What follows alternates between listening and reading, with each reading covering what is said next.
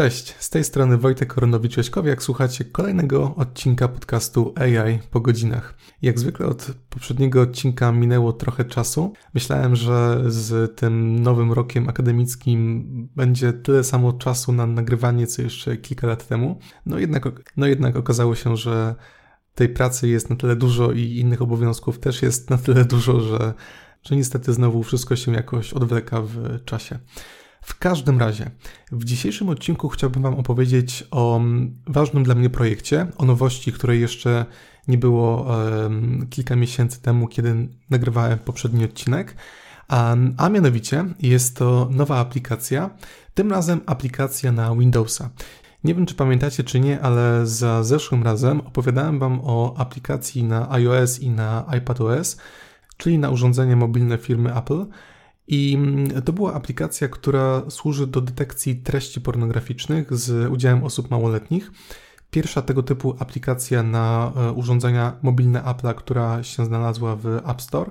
I mm, to jest aplikacja, która była zaprojektowana po to, żeby umożliwić szybką ocenę materiału dowodowego, z ścisłym przeznaczeniem dla funkcjonariuszy policji i prokuratury, ponieważ to są osoby, których czynności zawodowe wiążą się z oceną tego rodzaju plików. I przeznaczenie tej aplikacji polega na tym, że ktoś wykonuje zdjęcie materiału dowodowego, następnie aplikacja dokonuje predykcji. No, czy jej zdaniem to jest rzeczywiście osoba małoletnia, czy też osoba raczej pełnoletnia.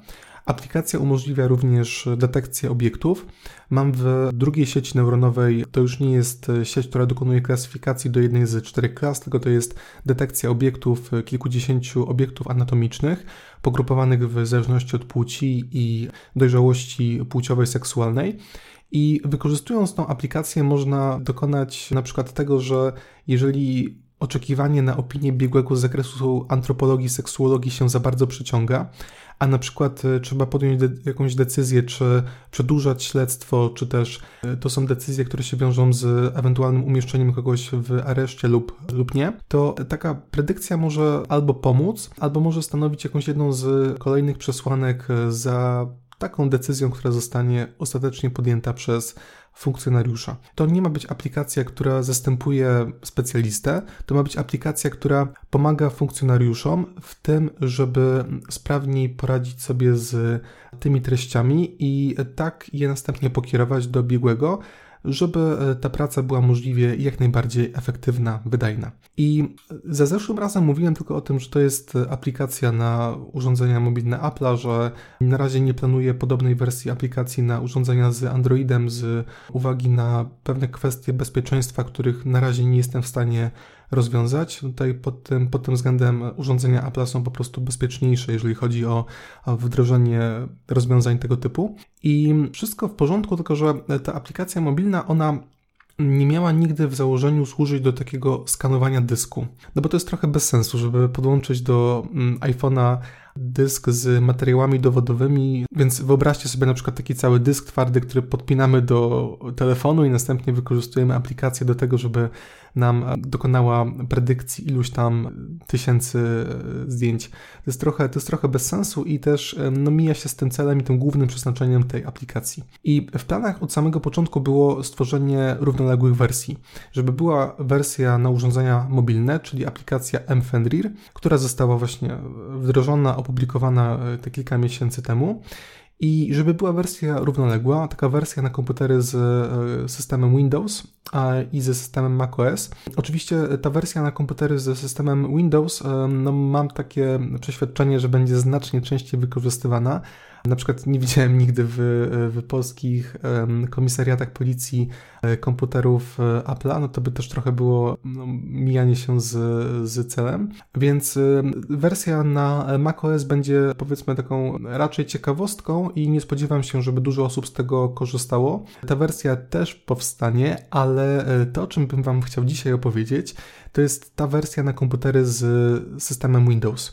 To jest nowa aplikacja, która została stworzona, która nazywa się S-Fenrir i to jest taka wersja aplikacji, która korzysta z tej samej sieci neuronowej, która jest obecna w aplikacji mFenrir, z tym wyjątkiem, że mFenrir zawiera dwie sieci neuronowe, pierwszą do klasyfikacji, a drugą do detekcji obiektów, natomiast ta nowa aplikacja na komputery z systemem Windows zawiera tylko jedną sieć neuronową, sieć, która umożliwia dokonanie klasyfikacji do jednej z czterech klas. I jak to wygląda? To można to sobie wyobrazić jako taki antywirus.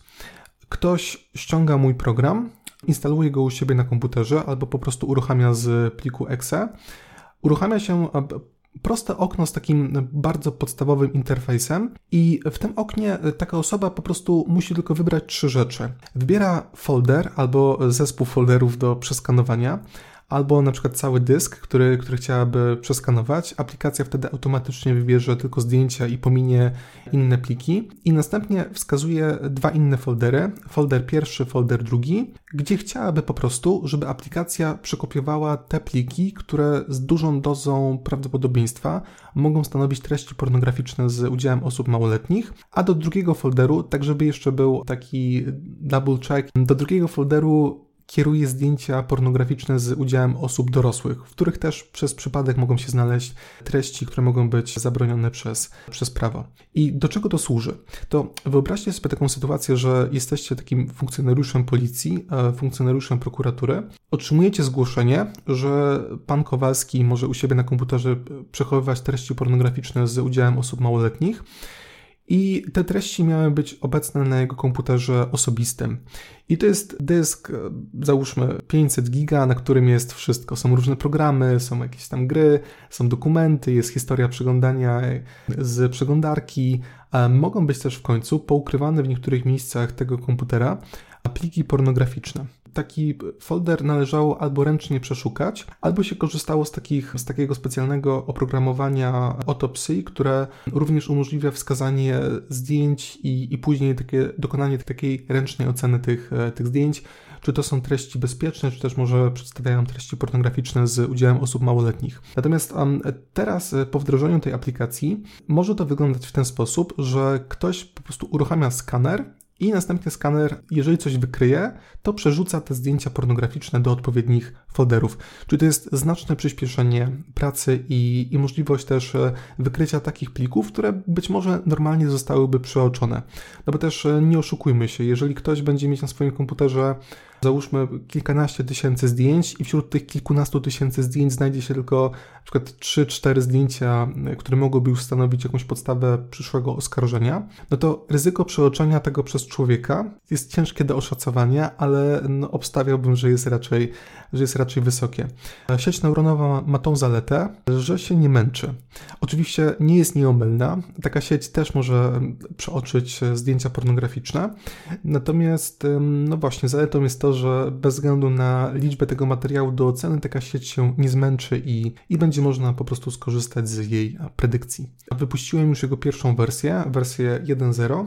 W porównaniu do e, aplikacji mFenrir, czyli tej na urządzenia mobilne, postanowiłem do niej też dodać kilka zabezpieczeń, które pozwoliłyby na takie powiedzmy bezpieczniejsze rozprowadzanie tej aplikacji wśród funkcjonariuszy policji i prokuratury. Pierwsze zabezpieczenie polega na tym, żeby, żeby dodać hasło. Oczywiście takie hasło, jeżeli się wie, w jaki sposób można, można złamać, natomiast no, to jest dodatkowe obejście i, i też utrudnienie dla, dla, dla osób nietechnicznych przed uzyskaniem takiego nieautoryzowanego dostępu. Drugim zabezpieczeniem, które dodałem, które też oczywiście można, można starać się obejść, ale jest to już troszkę bardziej złożone, jest dodanie do aplikacji takich mechanizmów, które uniemożliwiają użytkownikowi uruchomienie aplikacji po określonej dacie. Chodzi tutaj o to, że na przykład teraz wypuściłem wersję pierwszą i wersja pierwsza tej aplikacji jest e, powiedzmy ważna do końca tego roku.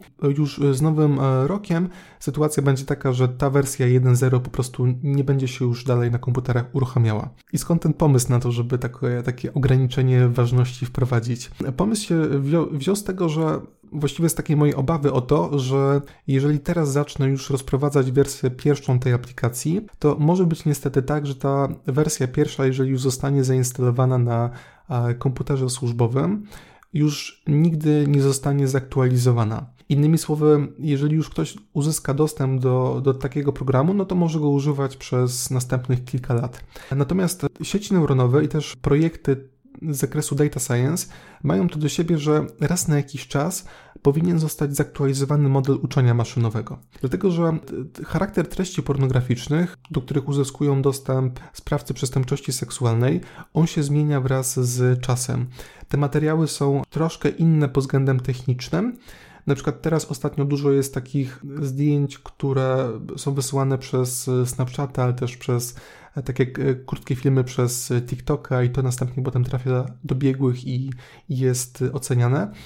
I e, to są znowu materiały, które na przykład charakteryzują się tym, że na przykład często są wykonywane z użyciem przedniej kamery telefonu, co też wpływa znowu na charakter tych, tych treści i potem na ocenę przez sieć neuronową. Więc e, wprowadziłem to ograniczenie, ale tylko po to, żeby mieć pewność, że moja aplikacja będzie na tych różnych komputerach służbowych aktualizowana raz na jakiś czas, e, żeby zadbać po prostu o jak najmożliwie najwyższą dokładność klasyfikacji. Już też nie mówiąc o tym, że jeżeli to jest pierwsza wersja aplikacji, no to stopniowo będą do niej dodawane kolejne funkcje. Chciałbym temu projektowi poświęcić trochę, trochę więcej czasu i, i myślę, że on zostanie ze mną e, na dłużej, więc ta aplikacja się będzie po prostu w naturalny sposób rozwijała. Teraz jej funkcjonalność jest ograniczona tylko do tylko i aż do przeskanowania określonego folderu i do oceny pojedynczego pliku, ale w przyszłości na pewno też pojawią się nowe funkcjonalności, też nowe opcje, które pozwolą na modyfikowanie pracy programu.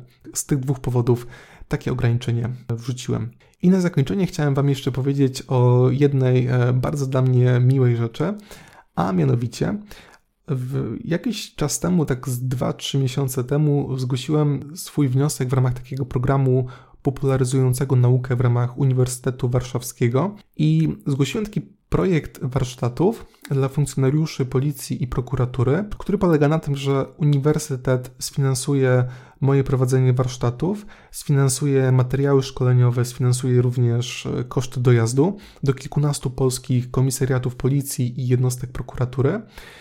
I to będzie wyglądało w ten sposób, że będę jeździł po tych różnych jednostkach i będę prowadzić zajęcia z obsługi i wykorzystania tych dwóch aplikacji, czyli aplikacji mFenrir i sFenrir. Bardzo się z tego cieszę i mam nadzieję, że dzięki takiej promocji i temu swoistemu tournée po, po tych różnych jednostkach z mojej aplikacji będzie po prostu korzystało być może za jakiś czas całkiem, całkiem sporo funkcjonariuszy. Aplikacja jest udostępniana bezpłatnie, więc też liczę na to, że ten odbiór i zakres użytkowania będzie, będzie niezły. Samych szkoleń jeszcze nie miałem. Wydaje mi się, że pierwszy z nich będę mieć w styczniu, jak tylko omówię szczegóły z konkretnymi jednostkami ale już sobie przygotowuję slajdy i przygotowuję również materiały szkoleniowe dla moich przyszłych uczestników tego szkolenia. Dziękuję Wam bardzo za wysłuchanie tego odcinka. Jeżeli sami jesteście biegłymi z zakresu seksuologii, antropologii, albo funkcjonariuszami policji, prokuratury, albo też znacie takie, takie osoby, które mogą uznać te narzędzia za przydatne, podrzućcie link do tej audycji albo link e, do mojej strony domowej i też z chęcią a, tymi narzędziami się podzielę.